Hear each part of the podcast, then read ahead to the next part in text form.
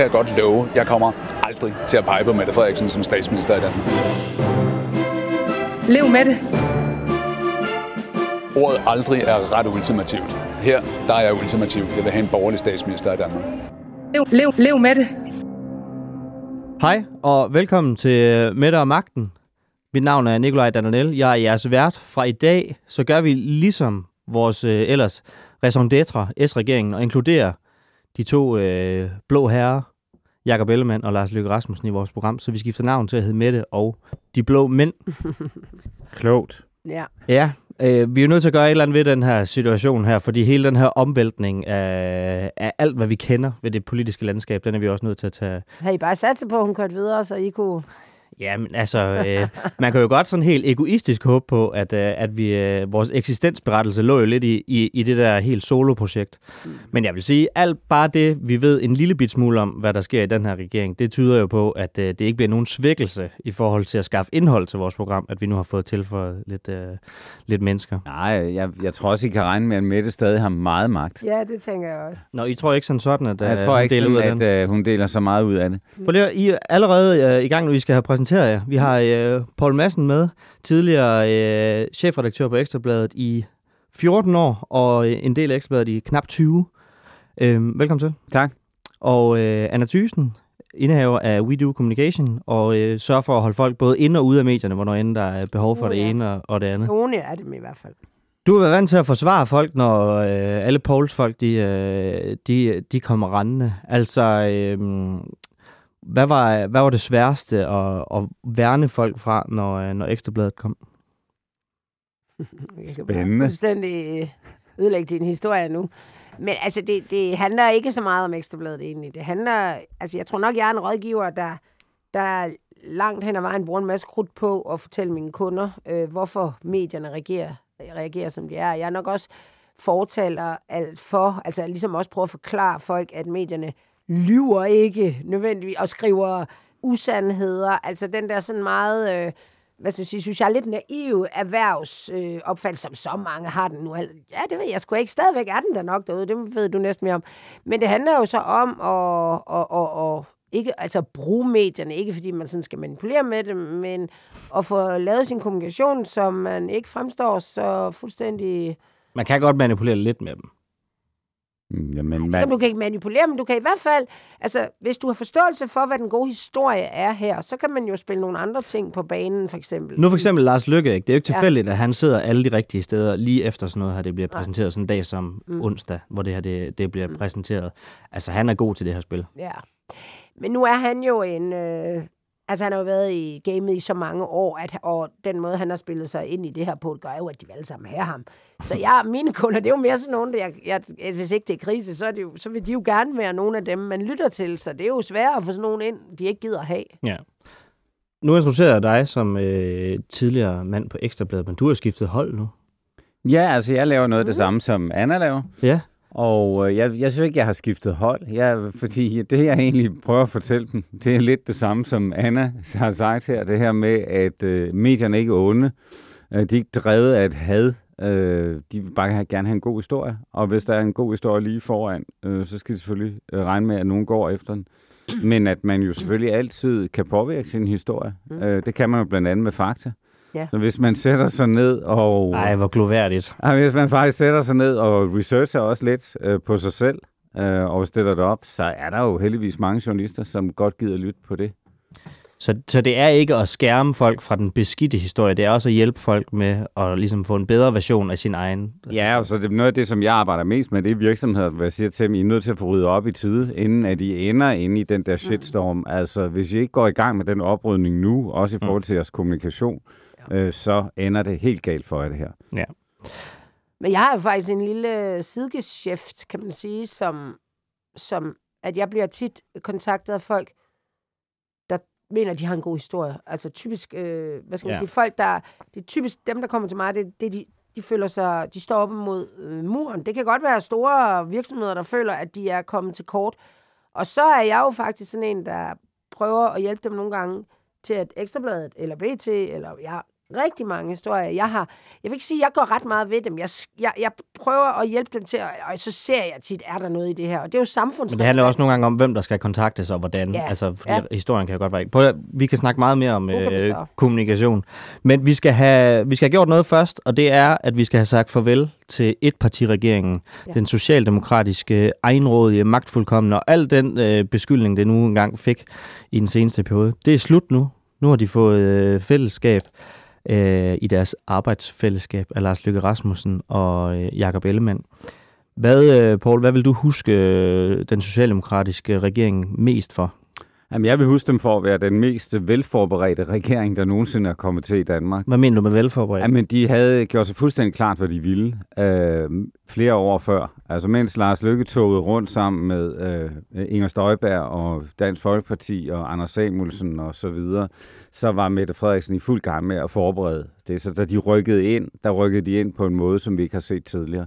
Hvor de også sørgede for øh, ligesom at stille helt sådan ledelses- virksomhedsorienterede ting op. Altså, de sagde til alle ministerne, "I- hvad vil du om to år? Hvad vil du huskes for, mens du var minister? Mm. Hvad er din handlingsplan? Øh, Hele Martin Rossens øh, altså til Hele det her, forberede ikke? Og det gik jo super godt øh, i starten, og øh, så fik vi corona, og så troede vi alle sammen, at Mette Frederiksen kunne redde os for det, og så begyndte det ligesom at gå lidt ned ad bakke. Øh, og hun gjorde det jo også godt under corona, men øh, altså man kan sige, der løser også at fare frem for hurtigt, så vi kommer jo til at huske den her for Mink-sagen. Øh, du siger jo også, nu hun gjorde det godt under corona, men jeg har også hørt dig tidligere, altså øh, ikke beskylde, men i hvert fald øh, være lidt efter pressen i den første periode, at vi var ikke gode nok det første stykke tid under Nej, corona. altså pressen var nogle dækkende lammehaler, som øh, bare fulgte efter. Altså man skal lige huske på, hvad det var for nogle indgreb, vi blev udsat for. Altså alle de frihedsrettigheder, som vi har ifølge grundloven, de blev tilsidesat. Øh, og, og vi sagde bare, altså danskerne sagde ja og ammen og holdt afstand og gik over på det andet fortov, hvis de mødte en anden person. Og pressen sagde ja og ammen til øh, hele det der show med, at man kun kunne stille et spørgsmål. Altså i lang tid, der var det en envejskommunikation, uden at vi havde en presse, der faktisk øh, opfyldte det, de skulle. Anna? Jamen, jeg er da enig, men, men sådan set ud fra et øh, 100, altså 100% kommunikation, så må jeg bare sige, at øh, øh, Mette Frederiksen og hendes hold, også dem behind the scenes, de har gjort det eminent godt. Altså, de har, de har også lykkedes med på et eller andet niveau at få medierne, få befolkningen, eller i hvert fald dem, der stemmer på Socialdemokratiet, eller kunne overveje det, eller bare synes, det var fedt at blive ført igennem corona, og få gjort pressen og medierne til nogle, øh, altså hvad skal man sige, sådan undergravende, der, der var ude på og, og hvad skal man sige, ødelægge den her, hvad skal man sige, måde, vi, vi kommer igennem corona på. Og det det, de altså, hun lykkedes jo, og jeg synes, der hvor jeg rent kommunikationsmæssigt tager hatten allermest af, hvis man kan tage den af, Af mere, gange, end ja. man gjorde før. Ja. Det er jo der før sommerferien, hvor hun simpelthen rent kommunikationsmæssigt skifter gear og har en eller anden, synes jeg selv, lidt mærkelig historie om en mand fra Aalborg, hun har mødt nede ja. i en vaskekælder.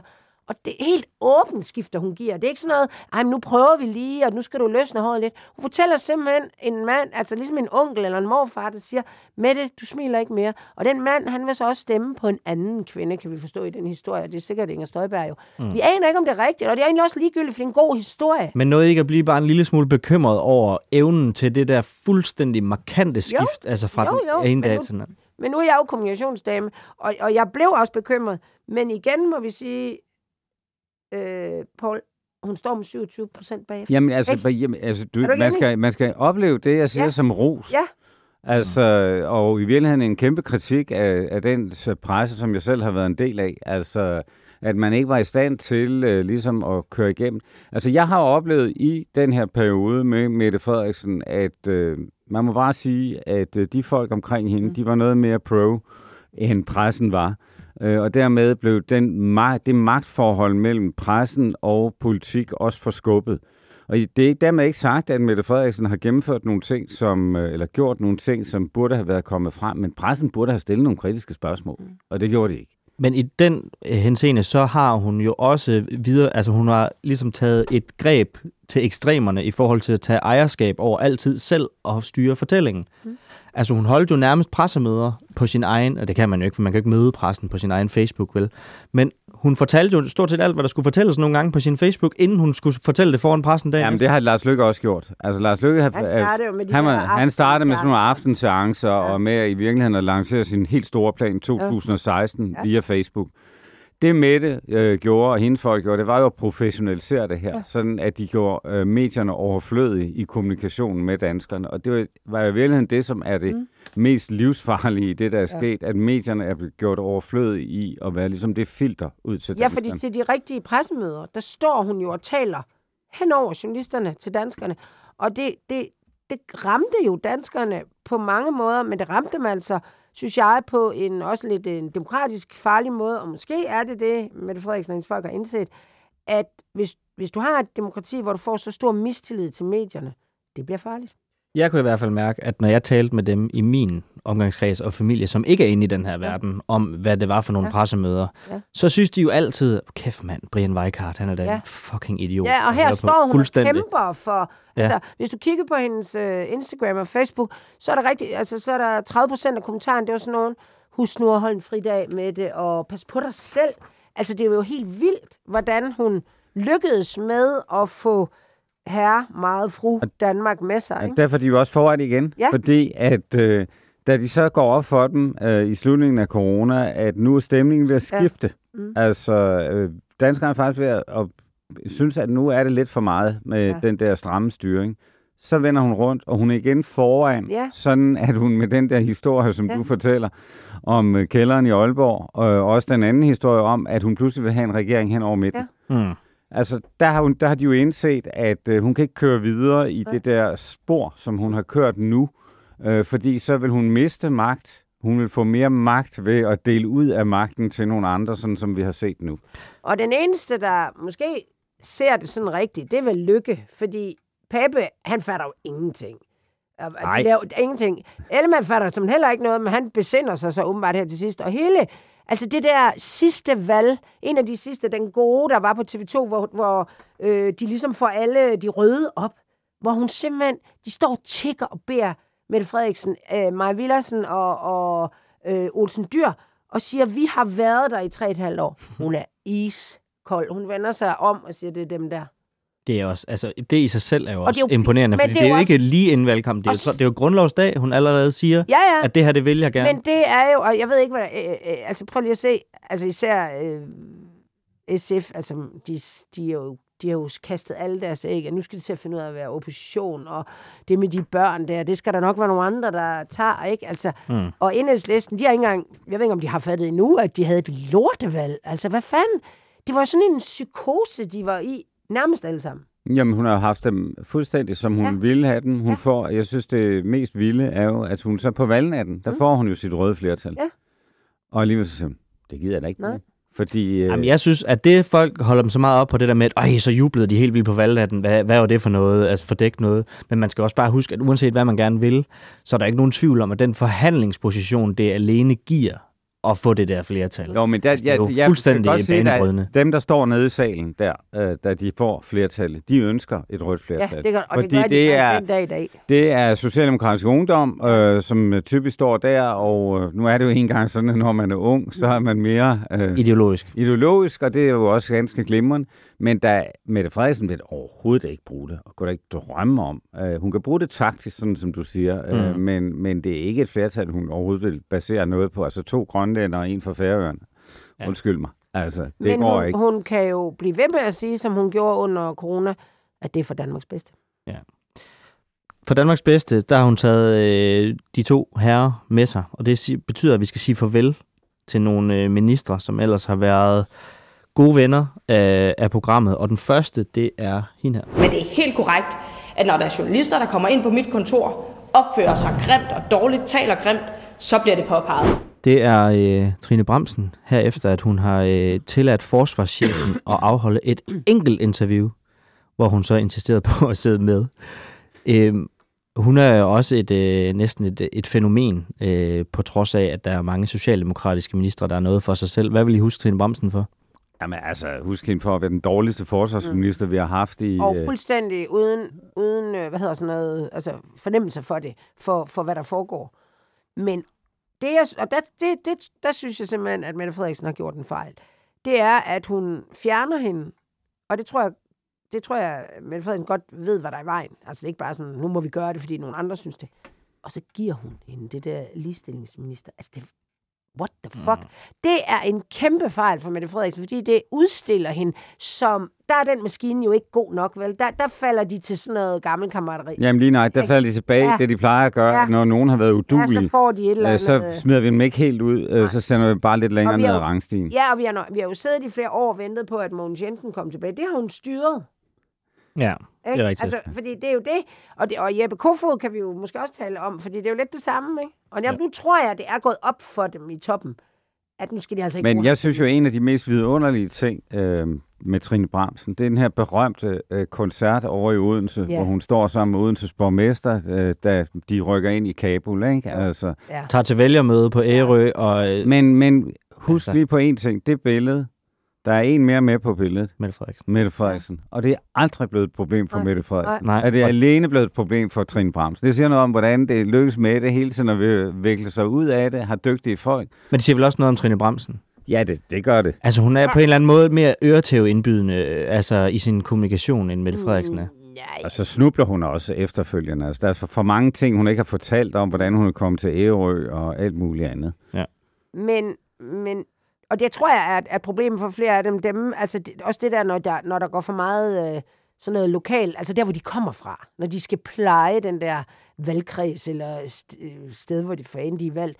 Det gider man ikke at høre på som en minister. Man tænker, hvad fanden, altså... Så tænker man også lidt på, får du lige lavet en motorvej, når du nu hen og spiser en pølse? Altså hold op med det. Og skulle der ikke, når Europa er i krig, så må du da ligesom hæve dig lidt op over, og du Ej, aflyse. Taliban er på vej Ja, ind i Og så står du med en Ja, vi har været i krig i 20 år Ja. dernede. Og så øh, nej, lige et smuttur til Ærø for Ja. at pleje lidt, øh, Ja, fordi lidt hun selv har et sommerhus, der tror jeg. Ja, og i hvert fald ens valgkreds. Så Ja. det, ja. Men en af de ting, jeg så har stusset over, ikke, det er jo, der er jo sådan en fortælling, og som specielt, som er- egentlig har fået skrift efter Lars Finsens bog, fordi han jo under, øh, hans bror, under sin afhøring fra de her aflytninger, bliver spurgt ind til, hvorfor han egentlig har sagt, at Trine Bremsen er dum som en dør, hvor han så bare siger, nærmest komisk, fordi det er hun. Ja. Men det er ligesom om, at alle har købt den, og øh, som om, at det er bare sådan en præmis. Altså, er, er vi ikke også været en lille smule hårdere ved hende, altså på nogle områder? Ja. Det er man jo altid. Altså, det bliver jo karikeret, fordi vi er jo godt klar over, at de alle sammen er mennesker og er søde og rare. Jo, jo, der, der er jo en spiral, ikke? Men- Altså i det, ikke? Men det er jo Altså, pappe om igen. Altså, når du kommer op i det lag, så er vi altså, så, Så- er, så skal vi jo også være ligeglade med, at de også er søde mennesker. Og bag men det var meget sjovt, fordi Trine Bramsen var jo sådan en meget aggressiv retsordfører, ikke? Og alle regnede jo med, at hun skulle være justitsminister, ind og tæve dem ind i justitsministeriet, og så sender de hende over i forsvarsministeriet. Så tæver hun dem alle sammen derovre. Ja, så tæver hun dem alle sammen med det her. De sådan set vant til, de er vant til at være i krig, ikke? Så det er hende, der får Og- banken. Men altså, da hun kaldte dem for en styrelse nedenunder, altså det skulle jeg bare hilse at sige, at det har de ikke taget pænt. Altså det glemmer de sgu det gør aldrig. man ikke med... Men det er meget sjovt så at se, hvordan Morten Bødskov så kommer ind, Ja. øh, og er i er der stand til at få ro på med det samme, ikke? Men, men øh, jeg har heller ikke nogen, øh, noget ønske om at, at, øh, at bryde loven. Og det næste, vi skal sige farvel til, det er ham her. det, det var min livs største fejltagelse. Og det, der skete dengang i, i 2008, tog jeg det fulde ansvar for i 2008. Jeppe Kofod blev hentet ind fra siden af Mette Frederiksen. Øh, blev heller ikke valgt ind sidste gang, men nu er han så ikke blevet valgt ind igen. Han er ikke øh, minister længere. Altså den sag, han taler om her, da han jo øh, kom til at have sex med en øh, DSU'er, da han var 34, og hun var 15. Øh, det er 2008, den slap han aldrig rigtig øh, ud af. Men alligevel så nåede han jo at blive øh, udenrigsminister her i den, i den seneste øh, regering. Altså fra et kommunikativt standpunkt. Det er vel næsten også imponerende i sig selv. Men det vil jeg også sige, det er en af Mette Frederiksens fejl. Ja, men, Men øh, hun regnede ud, at hvis hun fjerner ham, så er det en endnu større fejl. Ja, Så men, han måtte bare sidde der og lidt rådne op, ikke? Og på den måde, det er også derfor, det der udenrigsministerværv, det tror jeg, det kan, det kan du gøre til, hvad, alt efter den person, Lykke, han kommer til at... han flyver på Hvad var første det? klasse verden rundt. han var Ja. ja. Danmarks bedste. Var Samuelsen ikke det? Jo, det var, hvad sagde han jo om sig selv, ikke? Ja, ja, Altså, han var... Øh, Han altså, var Danmarks bedste. det har været en lang perlerække af dårlige udenrigsminister lige siden... Øh, Hvem har den sidste? Uffe Ellemann, den sidste Uffe gode? Ellemann, ja, Ja. det tænker jeg, det er virkelig den sidste Ja. rigtig gode, ikke? Jamen, det har nærmest været sådan, at man synes, de er lidt tåbelige. Ja, altså også Ville Søvndal. Altså, Ja, der, har jo- der har jo været mange. Er. Ja, der er, ma- der er mange højdepunkter Ja. på den post. Og nu skal vi også tale om den nye regering på et tidspunkt, men det er også sjovt det her med at blive ved med at, øh, at tage den post Men, men som man formand. kan bare altså, sige, fordi med man kan jo se, hvad der sker. Men- Men... Det går jo i hundene hver gang. Jo, men, men Lykkes, altså, Lykke er jo også en sokker for titler. Ja. Uh, nu skal vi ikke tale om ham lige nu, men det er han. Ja. Og derfor vil han have den næst fineste post, der er, Udenrigsministeriet. Men omkring Kofod, der er der jo det at sige, at uh, Mette og company uh, tror jo, sagen er død, Ja. da de henter ham ind. De tror, at han har fået de bank, han skulle have uh, for den. Og så kommer hele uh, MeToo-bølgen i Danmark. Og så er det jo, at den ligesom bliver taget op en gang til. Der var også et skønt øjeblik, da han øh, blev indsat, hvor at den korte radiovis ringede rundt til en hel masse ambassader og sagde, at vores nye udenrigsminister, som har haft sex med en 15-årig, det er altså ikke ulovligt i Danmark, selvom at det er hos jer. Altså, kan jeg vide, om han nogensinde har skulle forklare sin sag, at han faktisk ikke er pædofil, men at han bare, og så ved jeg ikke, hvad man så siger, men Jeg tror, i diplomatiet, de er eksperte i at lade som ingenting. Det Ja. tror jeg, bare, det kører. de kan det krisestyring der. Men det kan vide, hvad han skal. i, i 2008, i 2008, i, i 2008, Ja, det var meget vigtigt for ham at pointere, at det, det var længe siden. Noget, der er lidt nyere, og som øh, er et helt anderledes shitstorm-fænomen, det er ham her. Som jeg også har sagt igen og så igen, så er jeg selvfølgelig rigtig øh, ærgerlig øh, og flov over de sager, der har været. Rasmus Prehn, som jo lykkes med at få gjort en sag, som i virkeligheden ikke er særlig stor, altså i substansen, til en enorm shitstorm. Altså, hvordan ender den med at blive så stor? Jamen, det er fordi, at han jo øh, fucker det op selv. Altså, du, i min optik, ligesom du siger, jeg kan huske, da jeg læste den første gang i Ekstrabladet, tænkte jeg, det er sgu da ikke noget. Nej. Altså, hvorfor er de blevet sådan her sag op øh, ja. på den der måde? Så er det, at han begynder at gå ind i det der, at han både lyver, øh, det skal man jo altså aldrig gøre, øh, fordi det bliver opdaget. Grave sit hul dybere, end det var i forvejen. Altså grave det ned, og så efter han har løjet, så er han hemmelighedsfuld. Så vil han ikke øh, sige. Og, og er der noget, der trigger journalister, så er det selvfølgelig, hvis man ikke kan få at vide, hvad det handler om. Mm. Fordi Og noget, så, der var så banalt. så tænker man, ja, det er altså manden er blevet skilt, beløb. og altså jeg ved ikke noget, men øh, han har været ude med nogle forskellige, og så har han brugt et forkert kreditkort. Længere end ikke. Han kunne betale tilbage, og så kunne alle være ligeglade. Så laver han en, det, jeg nu kalder en Christian Bitz, som jo er ham, stille kopisten der. Det er, at han synes, det, han kommer med en kæmpe forklaring om, hvor synd det er for hans børn, som jeg ved ikke hvad, og hvad folk de gør ved dem. Altså ingenting. Den ene, hende der, og der går, hun går også ud og forsvarer ham, som jeg synes er fuldstændig tåbeligt.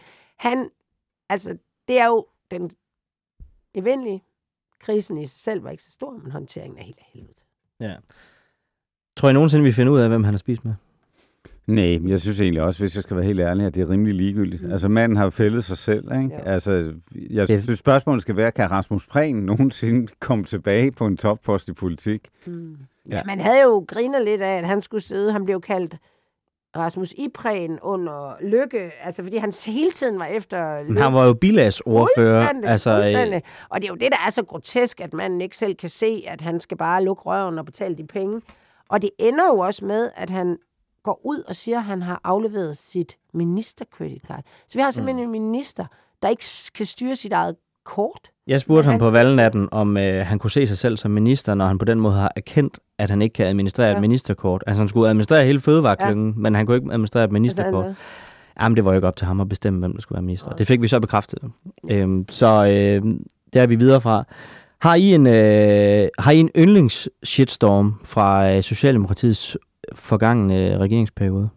Altså en, I har, at øh, jeres hjerte banker lidt ekstra for? Altså en, som er bedre end de andre? Ja. Ja, for Trine Bremsen er da... Ja. Hun tager det vel nærmest første prisen, og Jeppe Kofod, det er vel tre et halvt års. Ja, altså det er sådan en, uh. Kofod, det er sådan en uh, Ja. tre gange shitstorm. Ja, altså over så tre ham- forskellige uh, tidsperioder. Det Ja. er altså det, det, det vildeste, at man, man ikke kan få det lukket ned. Ja. Altså, og det kan man jo ikke, fordi at han har aldrig helt indrømme, at det var et problem. Og det var tilbage i 2008, hvor det var okay at knippe en 15 år. Nej, Jeppe Kofod, det har det aldrig.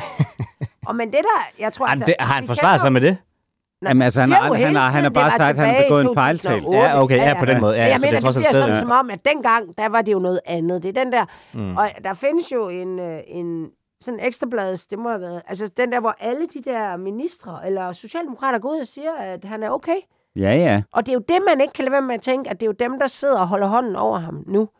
Så det, det, han har virkelig været et dårligt eksempel på sådan noget socialdemokratisk kram, kammerateri, der holder. Men jeg tror dybest set, de bare holdt hånden over ham, for, for at det var værre, hvis han... Ja, det, det er klart, at hele den der MeToo-bølge skyller hen over det, ikke? Altså, der er de nødt til at dække over deres egen ja. fejltagelse. Det ja, føler og de i Frank hvert fald, ikke? gå og sådan noget, Ja. de sidder altså.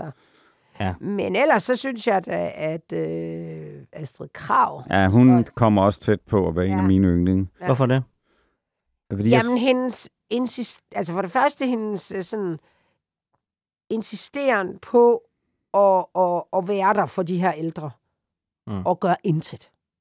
Altså, som i intet. Jeg så lige, hun er ude nu at sige, at den der frisættelse af plejehjem, det bliver fantastisk. Jeg er bare sådan, har hun ikke været fuldstændig imod det? Hun er, altså, år. Astrid Krav er for mig sådan det, øh, man i gamle dage kaldte sådan apparatnik. Altså sådan Ja. ja. en, der følger øh, Ja. efter dem, der nu sidder øh, på toppen. Altså hun, øh, da det ligesom var øh, godt at sidde og kritisere Thyre Frank, da hun var ældreminister, der er hun hammerløs. Ja. Hvis man ser på, hvad hun får sagt Om- under, Ja. Altså er omkring Thyre Frank, så er det helt vildt. Og så kommer hun selv ind, og så er der jo virkelig en masse af de idéer, som Thyre Frank øh, stod for. Det er jo så dem, der nu er blevet øh, genopfundet. Men det sjove ved det, det er jo også, at øh, de her helt store skandaler, de ender jo med at blive store skandaler, fordi at de jo selv har været så heldige inden. Ja. Altså Astrid, Astrid Krav har altså tonset løs på øh, Ja. Thyre Frank. Rasmus Prehn har gjort det samme ja. på Ja. Lars Lykke, og så kan de ikke selv, lige så snart de selv får noget ansvar og noget magt, og de samme øh, privilegier og muligheder, så kan de jo ikke Men selv det er jo det, jeg, jeg kalder altså den radikale hest. Det er, når man jo kravler op på en hest og siger, lad os lykke, du er en svindler dybest set, og så selv toger rundt i noget, som jo er nærmest på samme niveau, uden at dog Jo, være så højt. Det duer ikke. Vi, øh, vi skal videre, fordi vi har også en hel regering, vi skal have, vi skal have sagt pænt goddag til, vi skal have præsenteret. Jeg har klumret i det. Det er da ærgerligt. Det er da pinligt. Det er da flovt. Den blev præsenteret onsdag. Mette Frederiksen flankeret af de to mænd, og øh, noget jeg stussede over, som I må vide noget om som kommunikationseksperter. Det er, at det er ikke bare en regering, det er et arbejdsfællesskab. Det fik jeg sgu lidt galt i halsen. Altså, hvorfor kan de ikke bare sige, at det er en regering? Fordi at øh, de er enormt forskellige. Mm. Og de er nødt til at prøve at overbevise deres øh, vælgere om, at øh, de stadigvæk er forskellige, men at de har fundet sammen i sådan en fornuft. Altså, de ville så godt have kaldt det et fornuftægteskab. Altså, det er sådan, hvor der ikke er sex og så videre, ikke? Altså, øhm, og det er sådan, øh, det er sådan et øh, fællesskab, som, øh, som de har fået skabt, ser det ud til, ved, ved de der meget lange forhandlinger på øh, Marienborg.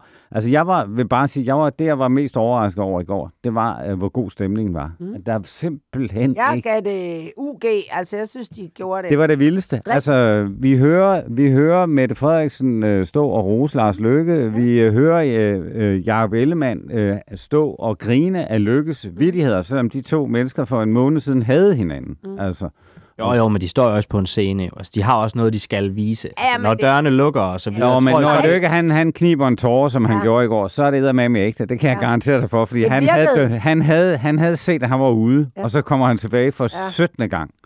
Det virkede sgu ægte nok, og, og det som, den klangbund, som, altså jeg synes egentlig, Ellemann, jeg synes, han har været svagt kommunikerende, øh, eller ikke kommunikerende i valgkampen, men han får jo sagt, prøv at høre, vi får 73 stemmer i det såkaldte blå blok. Vi kan ikke, de kan ikke engang blive enige om at, at sende mig til dronningen, som... Ja, øh, Inger Støjberg pegede på sig selv. ja, altså, hvor han får sagt, synes jeg egentlig meget cool, sådan, hvad har I forventet? Jamen, det er da ham, der har lavet den Ja. ja. mest knivskarpe analyse af, Ja. ja. hvor de står henne. Ja. Ja. Altså, alle de andre ligesom ja. forsøger stadigvæk Ja. ja. at stikke alle blå i øjnene om, at vi er en oppositionsblok. Mm. Nej, de er ikke en skid, for de er internt endnu mere uenige, end øh, man er over på den anden side. Og så er det selvfølgelig et strategisk greb at sende Lykke ud og sige, den der, der er ikke gang på jord for den her øh, mink-sag undersøgelse. Så kommer han bagefter, for så kan han sige, altså, når mm, Lykke ikke vil, så hvad skal jeg så stå og råbe, at vi vil have den? Der er ikke en skid, der vil have den. Og det, de har styr på, alle tre, og det kan være, det er den, den socialdemokratiske maskine, det er jo, at der er klangbund i det her for befolkningen. Ellers så kan de ikke gøre det. Og alle dem, der råber, det er sådan nogen, der jo ikke vil stemme på lortet alligevel, eller de der mink-typer, altså som ikke er mink, men, eller hvad man skal sige, men de der altså, de virker jo sådan lidt. Hvad har I, når I så har fået den der åndssvage undersøgelse, som sikkert ikke øh, gør af en skid, mm. hvad så?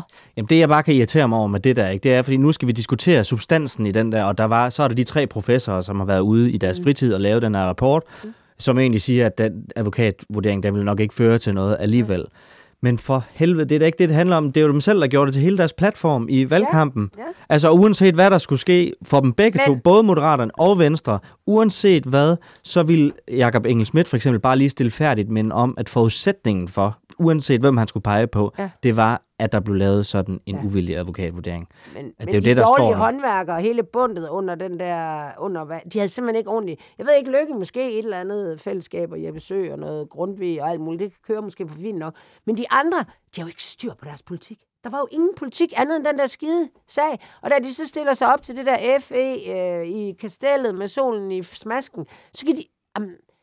Am, jeg bliver nødt til at sige, det er jo amatør. Det er jo ikke engang amatørkommunikation. Det er amatørpolitik.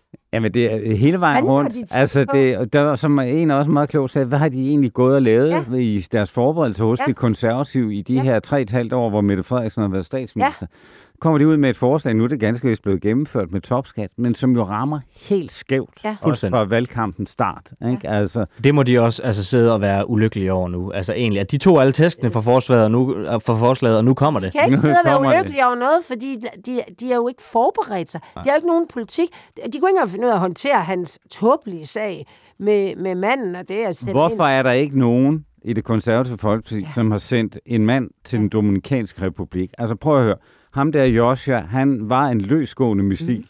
Der er en berømt sag op fra Viborg, hvor Joshua han øh, kører en brændert ud til Burger King, og så sidder han og smider pomfritter i hovedet på alle folk, der sidder på Burger King. og øh, så ringer de til ja. politiet, og han får selvfølgelig en bøde. Det er mange år før. Så har vi den sag med Ja, ishockeyspilleren, var eller ishockeyfanen fra Ja. Slovakiet. Som Lykke hoppede på også, ikke? Prøv at høre, det var den der mand, det var kun et spørgsmål om tid. Ja. Øh, så ville det eksplodere i hovedet på dem. Ej, men konservative, de, jeg ved ikke hvad. Altså prøv at se, de, kan, de er ikke en del af det her. Hele dansk erhvervsliv, som mange af dem er jo konservative. De må da sidde og tænke, hvad fanden skete der her? Men mit yndlings i det, der er sket nu, det er stadigvæk Lars Løkke. Ja. Hvorfor det? Fordi den der, altså, jeg ser for mig Lykke ligge nede i en kiste. Man har lagt låget på, de har bare glemt at tage sømmene med. Og så han, og så han kravler op igen. Ja. Ja. Og det har han jo gjort med partiet. Så står han gud døde med mig på valgnatten og, og erklærer sig selv som den Ja. store vinder, og så går Ja, det to meget. timer, så, Så var han det ikke alligevel. så var han det ikke alligevel. Og alligevel, så er hans held her under de her forhandlinger, at SF melder sig ud, og så han igen tungen på vægtskålen. Og radikale. Der er Om radikale var for små og Ja, for ja. dårlige og for dumme, og altså radikale, de er jo helt afskrevet. Jeg har altså virkelig også et blødt punkt for nogle af de sådan lidt absurde øh, sammenhænge, der nu er i den her regering. Jeppe Sø fra Moderaten, han er så ikke blevet minister, vel, men han var, med, han var med til at arrangere den der traktordemonstration mm. mod Mette Frederiksen, mm. som han nu er i regering sammen med. Mm. Pernille rosenkrantz teil lukker demonstranterne ind i tidernes morgen, inden de hælder maling ud over formanden for det parti, som hun nu er i regering sammen med. Altså, der er den ånden lyn med nogen, der har skulle sluge nogle kameler for, at det her, det her kunne lade sig gøre. du ved, man bliver klogere med årene. Jamen, Og ved- Jeppe og ved det er ikke særlig Jeg- mange år siden. Det er jeg tror- halvandet og to år Ved siden. hvad, jeg tror, at danskerne de kan godt lide konsensus. De fleste danskere kan bedst lide... Det er da ved Gud ikke det, vi har fået. Jamen, det, Jamen, vi har fået, vi har fået det at er alle dem, vi kender, ja. og så en, en, den nye klassen, Ellemann, øh, de skulle Ja. gået sammen nu. Ja. Og øh, altså, de er hovedfjenderne i dansk politik. Ja. Altså, i, dybest set er det jo en regering mellem Venstre og Socialdemokratiet. Ja. Venstre er bare blevet splittet i to. Ja. Mm. Ikke? Altså, så det er hovedfjenderne, ja. der nu er sammen. Og jeg tror, altså når jeg sådan ser, der er selvfølgelig mange, der hisser sig op, men sådan de almindelige, det er bare sådan, at sådan havde man også håbet, at man kunne klare det hjemme i familien, eller i- på i virksomheden, at det skal nok gå. Og de er også, de køber, altså de kigger på deres varmeregning, mand. Vi ved ikke engang, hvad det er i næste måned. De køber jo fuldstændig, vi har en kæmpe krise. Og der skal nogle kompetente mennesker, som kan forstå og lægge tingene bag sig. Og det må de jo. Det tror jeg. øh, Jeg er faktisk overrasket over, hvor, øh, hvordan kommentarsporene, hvor bløde de er. Ja, ja. Ikke overrasket, men, det jeg, der mink, men der det er sådan, det er sådan nogle få Ja. ja. mink-typer, der Ja. ja. giver den gas. Ellers så er der... Og så er der også nogle, sådan nogle socialdemokrater Ja, ja. ude, som der er... er DSU som, og ja, VU, som har sagt, at de ikke mere vil øh, lave kampagne for Ja. Venstre og sådan noget. Ikke? Det synes jeg også er Ja, stærkt underholdende. ja, ja, Men de det bliver også ældre. Sige, ikke? Ja. Det er jo det. Det er jo det. Øhm, Vi skal, have, vi skal lave nogle nedslag i hvert fald i ministerlisten. Der er jo kommet så sindssygt mange, at det er svært at nå øh, dem Ja. alle sammen. Altså Jakob Ellemann, øh, vice-statsminister og forsvarsminister. Har han Øh, ikke været udsat? Jo, det er vist noget med, at, øh, at han engang har fået fortalt i en bisætning, at han har været soldat. Hvad, hvad står mest i øjnene på jer i, på ministerlisten? Jamen, altså, jeg synes, der er flere ting. Øh, altså, jeg synes, Mette Frederiksen sidder på alt det vigtigste. Ja. Øh, Og hendes stadigvæk. folk, ja. Altså, hendes folk, ikke? Altså, finanserne, øh, det kan godt være, at vi skal opprioritere forsvaret, og øh, Ellemann nu er blevet forsvarsminister, men bare huske på, at pengene bevilges over i Finansministeriet. Økonomi, Og, indrigs øh, og sundhed er alligevel røget til venstre. Ja, og øh, så er der en, en anden ting, som jeg synes, man skal lægge øh, mærke til, det er, hvordan Lykke behent ja. har taget alle de ministerposter, som de radikale normalt traditionelt Ja. sidder på. Altså kultur, Ja. ældre Hmm. øh, Og og, ældre, ja. Og udenrigs. og uden Hvem er undervisnings? Det er... Øh, Det er nu jo skal, ikke... Har du en... Ja, det har jeg. Jeg har en komplet liste her. Nå. Det er Mathias Tesfaye. Nå, ja. Ja.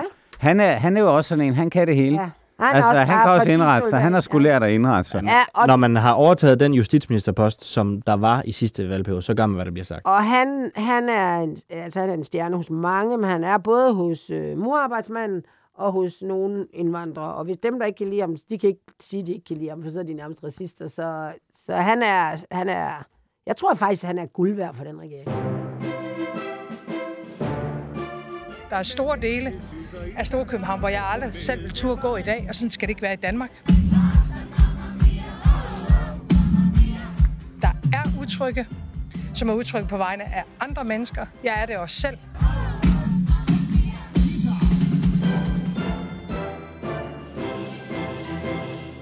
Så er der en anden ting, jeg har stusset over, det er, at Kulturministeriet, som jo altså af rigtig mange altid bliver nævnt som det mest ligegyldige øh, ministerium, altså det er der ikke nogen, der gider at have. Det er kommet ind i koordinationsudvalget.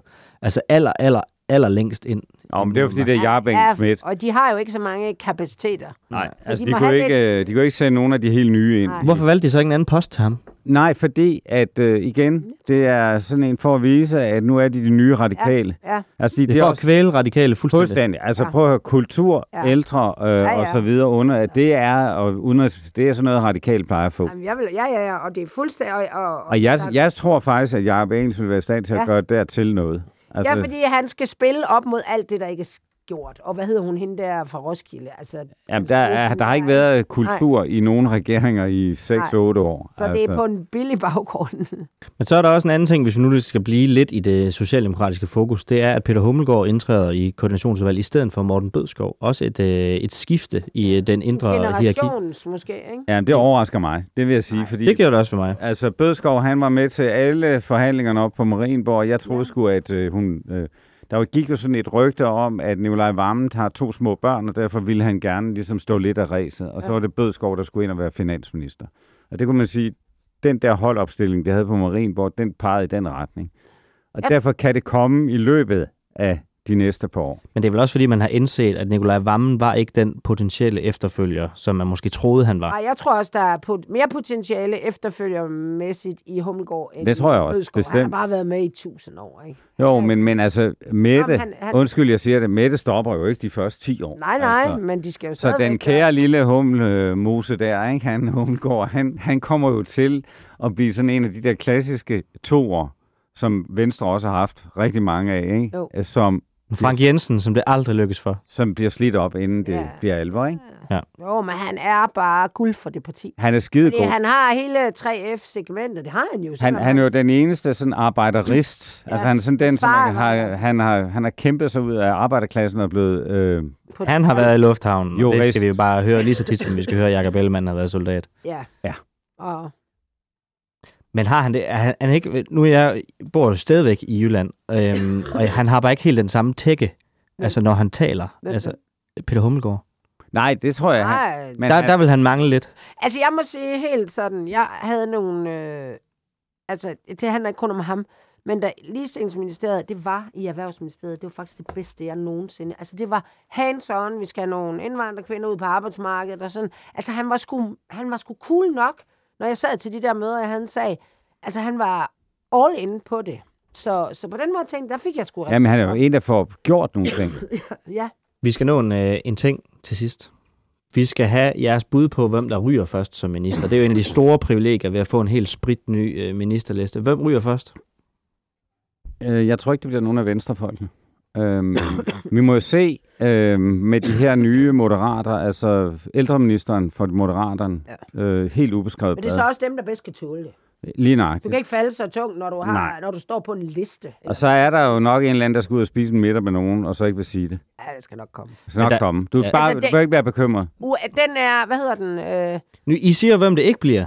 Jamen, jeg, jeg lige nu øh, har du det... siger, det, en, det kan være, hvis vi sådan taler om, om noget, der, hvor de siger, jamen, hey, så går vi over, smider hende eller ham ud. Det kan de bedst tåle med mod. Vi har, altså, vi har jo listen her. Vi er nødt til at slutte af med et navn. Hvem ryger først af, så vi kan holde op Jeg på, på det. ikke, øh, At der er ingen tvivl om, det er dig, der ryger først, Anna, med al den hoste, øh, du har der. Jeg Så- Hun, hun, er, hun er Ja, simpelthen død, inden Ja. de overhovedet Ikke- kom af, mener ministeren. I kan sms mig for borgerbuket. Ja. Eller måske til jer. Det, jeg kan jo ikke tage mig. Jamen, jeg ved sgu, det har jeg sgu ikke... Nej, jeg, jeg tror, man, øh, det- jeg vil heller ikke byde på det, øh, fordi øh, det er øh, umuligt. Ja. Det handler meget om nogle af de der skide kommissioner, som de nu har nedsat. Ikke? Mm. Altså, de kommer jo om års tid med alle deres rapporter. Ikke? 20 år med tørver og andre tiger, og så... Ja, men jeg prøver at høre, så skal det være, fordi der er et eller andet oplagt, og det, det er der desværre for... ikke. Nej, der er ikke noget. Altså, det... Og man skal huske på en anden ting her, ikke? at når vi har tre partier, som er så forskellige, øh, så kan en sag, med mindre nu, at... Den kan blive brugt til, at, at hvis ikke, det kan godt være, at den ikke er stor nok, men så er der en, der skal ned med nakken. Ja, eller det modsatte. En kæmpe sag, hvor Lars Løkke siger, nej, men I får ikke lov til at smide min mand. Ja. Mm. Det var jo... Øh... Hvad hedder hun? Landbrugs øh, Venstre, var der ikke? Eva Kjær. Ja, Eva Ja, Kjær. jo, var det jo. ikke sådan en... Hun røg på Jo. de konservative, der, Ja, skulle, der skulle bevise et eller andet. Ja, Ja. ja. Og lidt det samme med Ben Engelbrecht egentlig Ja. ved Gud, hvor er han? Ja, han er jo ude, og han, Han blev finansordfører bagefter, og så er der lang vej tilbage. Man bliver jo ikke forfremmet, han det er svært. fucket op? Nej, Vel? egentlig ikke. Han var røg jo i det spil der. Han var jo en, en fin trafik. Men jeg synes jo, det her det bliver sådan lidt teknokrat-agtigt, så man kan ikke lade være med at sige, at dem, der ikke er med på holdet, altså det kan godt være, at de er, men nogle af dem er, er heller ikke dygtige nok. Nej, og, Altså, og det, er jo, det, er jo en, vælge, det er ikke? jo ikke en regering med sådan de sådan store øh, visioner. Det er en Nej. regering, som praktisk går ind og, Og skal og, eksekvere. og simpelthen, øh, simpelthen alle knapper skal lige stilles ja. lidt på, så hele velfærdssamfundet Altså, altså, jeg- kommer jeg- til at blive bedre. Forestil jer den person, der skal sidde med de der fucking jobcentre. Ja, Anne Hvad Halsbo. gør de, ikke? Hvad gør de med dem? Altså, vi har talt om det. Jeg, jeg sagde sidst, jeg, jeg var, har været til et møde en gang, hvor, sammen med nogle andre, hvor jeg fik at vide, at det, jeg bare skulle huske, når jeg skulle ud til samtale, det var at lade være med at drikke en øl inden. Ja. Det definerer jobcenteret rimelig meget for mig. Men er I klar, hvor mange mennesker, der arbejder med det? Ja, men Ja, det er helt fuldstændig vildt. Det bliver det sidste, vi når, fordi vi skal videre til øh, næste interview så også. Tusind, tusind tak, Poul Madsen og Anna Thysen, fordi I havde tid og lyst til at komme forbi. Selv tak. Altid. Nu ved jeg jo, hvad det er, Lars Løkke han står for. Altså ham kan man lave en aftale med om formiddagen, og så om eftermiddagen, så kan han ikke huske, at vi laver en aftale. Han skal bindes på arm og ben, for at han kan holde ved det, han siger. Altså, han er ikke den nemmeste at stole på. Og nu skal vi forsøge at fokusere på en af de ting, der har været allermest betændt mellem Venstre og Socialdemokratiet, nemlig FE-sagen. Og hvis vi lige kort skal lave et oprids, så begyndte den øh, i hvert fald for alle os i offentligheden, da Trine Bremsen hjemsendte hele ledelsen af FE i øh, 2020 for fuld offentlighed i en øh, åben pressemeddelelse. Øh, eller i hvert fald godkendte, at den blev sendt ud til, til hele pressemeddelelsen. Øh, herefter så bliver FE-chef øh, Lars Finsen blandt andet aflyttet, mens han er hjemsendt. Og sidste år, i 2021, i december, der bliver han så anholdt, efter at have været blevet aflyttet øh, under hele perioden her. Og så midt under den her valgkamp, så fuldstændig ud af det blå. Jeg kan stadigvæk huske, altså, hvor jeg var henne, fordi jeg blev så chokeret bare med det øh, Albæk, der skriver, vi udgiver en bog om 3, 2, 1. Nu, så kom Lars Finsens bog, øh, hvor at Trine Bremsen blandt andet bliver beskyldt for øh, på tomandshånd og sagt til Lars Finsen, at øh, der er egentlig ikke noget at bebrejde ham for, men han bliver sendt hjem, fordi at hun skal kunne tælle til 90, altså at det er politisk. Øhm, og så står der også øh, til aller, aller sidst, at Lars Finsens bror, øh, Nikolas hedder han, er under sin afhøringer blevet spurgt ind til, hvorfor han har sagt, at Trine Bremsen er dum som en dør, hvortil han så øh, med sådan en vis kølighed svarer, at det fordi det er hun. Men hele det her, at der er en, der er blevet spurgt ind til, hvorfor han synes, at en magthaver er uintelligent under sin afhøring. Det er også et, et specielt øjeblik, Så er der chefen for PT og FE, der er gået på rundtur til alle, eller ikke alle de store medier, men flere af de store medier med advarsler om, at hvis I bringer lækkede ting, så falder I altså også ind under de her øh, paragrafer her. Øhm, og så PT-chefen også lige været rundt i Folketinget og fortæller alle, at Lars Finsen, han dyrker altså SM6, så hvem ved egentlig helt med den her sikkerhedsgodkendelse i det hele taget. Jakob Korsbo, tidligere chefanalytiker i Forsvars Efterretningstjeneste, og nu senioranalytiker i Tænketanken Europa. Velkommen til. Mange tak. Øh, der er mange øh, bizarre nedslagspunkter i den her. Hvad, hvad er det mest absurde for dig, der er sket i den her sag? Det mest absurde, det er egentlig sagens håndtering i sin helhed, hvor man sådan i punktnedslag har gjort det hele værre og værre, øh, og har blæst sagen øh, mere og mere op øh, efterhånden. Øh, det startede jo med en, hvad kan man sige, en sag om FE, øh, og der nedsatte man en undersøgelseskommission, som vi jo også skal huske at fortælle, har frikendt FE for Fuldstændig. any wrongdoing. Øh, og det harmonerede også med det indtryk, jeg selv har haft. Nu har jeg jo arbejdet tæt med alle de her ting igennem mange år, så derfor kunne jeg ikke rigtig forstå, hvad der stod i, i tilsynets øh, pressemeddelelse. Og, øh, og derfor et af de store mysterier for mig øh, er fortsat, jamen, hvorfor blev den håndteret, som den blev håndteret? Det var et forhold, der startede i november måned, da man fik den her whistleblower-sag, og så eksploderede den i, øh, i august. Og det er, jo, det er jo hele det bagtæppe, der er til ja, de efterfølgende eksplosioner. Ja, også fordi man skal jo huske, at selve hjemsendelsen øh, baserer sig på en kritik, som blev fuldstændig affejet i den efterfølgende kommission. Men selve hjemsendelsen og kritikken var jo selve grundlaget for, at han overhovedet blev aflyttet. Som jo så danner grundlag for de anklager, der nu engang øh, er mod ham nu. Og de var jo aldrig kommet, hvis... Altså, det er bare så mærkelig en rækkefølge, det hele det, øh, det hviler på.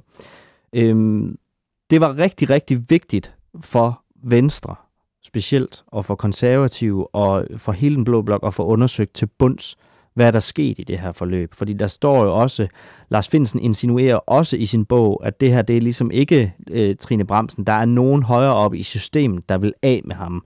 Og dem, vi kan i hvert fald sige, dem han nævner ved navn i bogen, det er Barbara Bertelsen, og det er Mette Frederiksen. Øhm, og nu ved vi lidt om i den nye regering, hvad der står, at vi skal have undersøgt. Og passagen, øh, som jeg har bidt mærke i, den hedder, regeringen vil nedsætte en undersøgelseskommission til undersøgelse af beslutningen om hjemsendelse af ledende medarbejdere i Forsvarets efterretningstjeneste. Kommissionen skal undersøge, om der blev varetaget usaglige hensyn ved hjemsendelsen. Hvis jeg nu spørger dig, er den undersøgelse, der bliver lagt op til i, øh, i regeringsgrundlaget her, er det den, der er behov for? Altså, øh, ikke på den lange bane, men, men det står der jo så også i regeringsgrundlaget. Du må undskylde, jeg, jeg svarer på den der lidt okay. øh, ulimundne måde. Ikke? Men, men, men, men altså på den korte bane, ja, så er det jo det, det vigtigste punkt at, at få belyst, synes jeg. Øh, man kan sige, øh, medtager det også hele det her omkring pressemeddelelsen, og hvorfor beslutter man at sende den ud på den måde? Hvad har dialogen været omkring det? Og hvorfor går der noget ud, der skaber de her efterdønninger, som, og den ravage, som, som, som er forkert. Mm. Altså det, der går ud, er jo forkert. Øh, og, og, og hvad er der sket i, i den periode fra november til, til august? Men, men det synes jeg ikke, det synes jeg ikke nødvendigvis, man kan sige, at, at nu, nu ved jeg ikke lige, hvor specifikt sådan et grundlag om mm. en undersøgelseskommission overhovedet skal være. Men det vil jeg da håbe i hvert fald, at, øh, at det er noget, man, øh, man, følger, man følger til dørs. Der er flere eksperter, øh, som blandt andet i Berlingske har været ude og påpege, at der i hvert fald mangler en hel masse spørgsmål og øh, bliver afklaret i, øh, i det her. Øh, hvem har været involveret i det hele? Øh, hvem tog beslutningerne? Øh, hvem har været vidne om, altså for eksempel, at vores efterretningstjenester har været ude at advare vores medier? Altså det lyder jo ikke, og det kan godt være, at det er noget, at vi bider mere mærke i, fordi nu, nu handler det jo om os, men det lyder bare mere som noget, man hører nogle lande, vi meget, meget nødig vil sammenligne os med, at medierne har efterretningstjenesterne rendende til at sige, at det her, det må I faktisk helst ikke skrive om. Er der noget i den her undersøgelse, du savner? Jo, men altså, det, der kan man sige, at det efterfølgende forløb øh, er jo noget af det, som der står, at det vil man forholde sig til, når straffesagen mod Lars Finsen er, er afsluttet. Og det ved vi jo, at den er berammet til... Øh, Byretten i slutningen af 24, tror jeg, at det er lige kommet ud. Okay. Hvad, hvad, hvad har du? Ja, øh, slutningen er 23, Okay. og så kommer der jo et efterfølgende forløb, givetvis. Der kom, altså, den, den er nok formentlig ikke slut i byretten. Altså uanset om det er slutningen eller 23, eller vi går ind i 24, Ja, så, skal den, så skal den videre. Ja. Landsret, højesteret, hvem ved, om den skal i, den, øh, i menneskerettighedsdomstolen. Øh. Og det, det kan man sige, når, man, når jeg ser det fra en sådan tidligere efterretningsmands perspektiv, så, så synes jeg også, det er, det er meget forkert. Men omvendt, så kan jeg også godt forstå, at øh, man kan jo ikke nedsætte en undersøgelseskommission omkring de her forhold, mens der foregår en straffesag. Det, det, vil, det, det kunne jeg godt tænke mig, en, en jurist ligesom øh, belyste øh, i hvert fald, fordi det har jeg svært ved at forestille mig, fordi så vil det jo have indflydelse på straffesagen. Øh, Noget af det, som jeg også godt kunne tænke mig at, at spørge dig om, det er, at når jeg taler med folk om det her, som ikke er i mediebranchen eller inde i den ligesom, lille cirkel, der nogle gange bliver dannet af, af sådan af samfundsmennesker, øh, eller hvad man nu skal kalde dem, så er det noget af det mest kedelige, folk kan høre om. Det er hele FE-sagen. Hver gang jeg taler om det, og det er sikkert også sket for lytteren måske, jeg ved ikke, om vi havde været gode nok til at gøre det spændende, ikke? men så zoner de ud på en eller anden måde. Øh, hvor, hvorfor er det alligevel, hvis vi nu skal prøve at forklare til, til dem, der lytter med, som måske har det sådan, hvorfor er det vigtigt at, at forholde sig til det her? Jamen, øh, en af de grunde til, at jeg gik på arbejde øh, med stor fornøjelse gennem mange år i, i FE, det var, at øh, jeg fandt i hvert fald, at opgaven var enormt vigtig. Og øh, man har altså med den her håndtering af det her forhold svigtet, svigtet øh, en, øh, en organisation, der er nøg- spiller en nøglerolle for at sikre Danmark. Og, øh, og vi lever i meget usikre tider. Så når man lige pludselig sender en, øh, en øh, efterretningschef og en hel ledelse hjem, og efterfølgende varetægtsfængsler en, der har spillet en nøglerolle i dansk sikkerhed i 20 år, jamen altså, så giver det jo nogle enorme bølger udadtil og, og internationalt, og, og FE er alvorligt svækket. Hvordan, helt konkret, hvordan kan du se det, at de er blevet svækket? Nej, men det kan man ikke umiddelbart se, fordi øh, politiske beslutningstagere står jo på nakken af hinanden for at sikre, at alt er i, i skønneste orden. Men i efterretningsarbejde er det bare sådan, at du hører ikke, at noget er skidt, men lige pludselig daler det råmateriale, du får ind ad døren. Det er det operative, det er alt det yderst sensitive, alt det, der kan medføre liv eller død, det vil man ikke have ud til en lækagetjeneste. Og en tjeneste, hvor der er så stor stå hej om. Så, Mm. der, så derfor er ro omkring en efterretningstjeneste simpelthen en, øh, en, et nøglebegreb øh, for at, øh, at sikre, at, øh, at internationalt samarbejde og kilder har tillid til den. Og det har det, det har det påvirket, altså helt direkte, hele den sag her. Det er jeg fuldstændig sikker på. Jeg ved også, hvordan vi selv har øh, holdt tilbage i forhold til at samarbejde med en, en allieret tjeneste, som øh, havde problemer med lækage og uro. Øhm, det sidste, jeg lige vil øh, høre, det er jo blevet håndteret, som det nu engang håndteret, sådan en kommission. Øh, jo bredere den bliver, jo mere får vi jo egentlig også på en måde råbt op om, at der er noget ravrustende galt. Altså er der en fare i at lave den kommission, man egentlig godt kunne tænke sig, ved så at gøre problemet endnu større? Uh, nej, det, det, det mener jeg ikke, fordi man skal vise, at der er styr på butikken øh, til syvende og sidst. Og styr på butikken kommer der kun til vi, ved, at vi får afdækket de her forhold. Øh, og jeg vil sige, at nogle af de her ting, der er foregået, og som du selv nævnte med øh, øh, den her øh, tur i Folketinget om, øh, om øh, Lars Finsens seksualitet og, øh, og, og, og truslerne, eller de her huskekager til øh, chefredaktører osv., Mm. mm. det er jo ikke en FE-sag. Altså det kan man jo sagtens undersøge. Er der sket magtmisbrug eller ikke magtmisbrug? Er det, som det skal være? Det synes jeg, det synes jeg godt, man kunne tage op uafhængigt. Altså, og hvad, hvad er det, der har ført, øh, før, ført os derhen, hvor sådan noget øh, foregår. I, I mine øjne kan jeg simpelthen ikke se, at, øh, at det er, er, er rimeligt og i tråd med GDPR-lovgivning og så videre. Vi ved jo, der er politianmeldelser ude mod øh, PET-chefen ja. i, i den her anledning. Ja. Øh, og det var nok en god idé at få, få styr på det, uafhængig af øh, FE-sporet.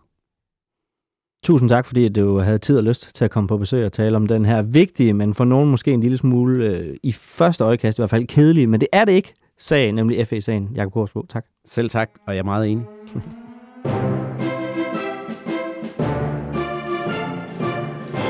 Det var alt, hvad vi nåede for i dag. Der er ikke mere Mette og de blå mænd for nu. Danmarks mest mætte og top-top arbejdsfællesskabs kritiske plus-program. Vi er tilbage igen i næste uge med meget mere magtkritik. Der bliver en hel masse at følge op på, kan vi godt allerede nu afsløre. Mit navn er Nikolaj Dandanel. Tusind tak, fordi du lytter med.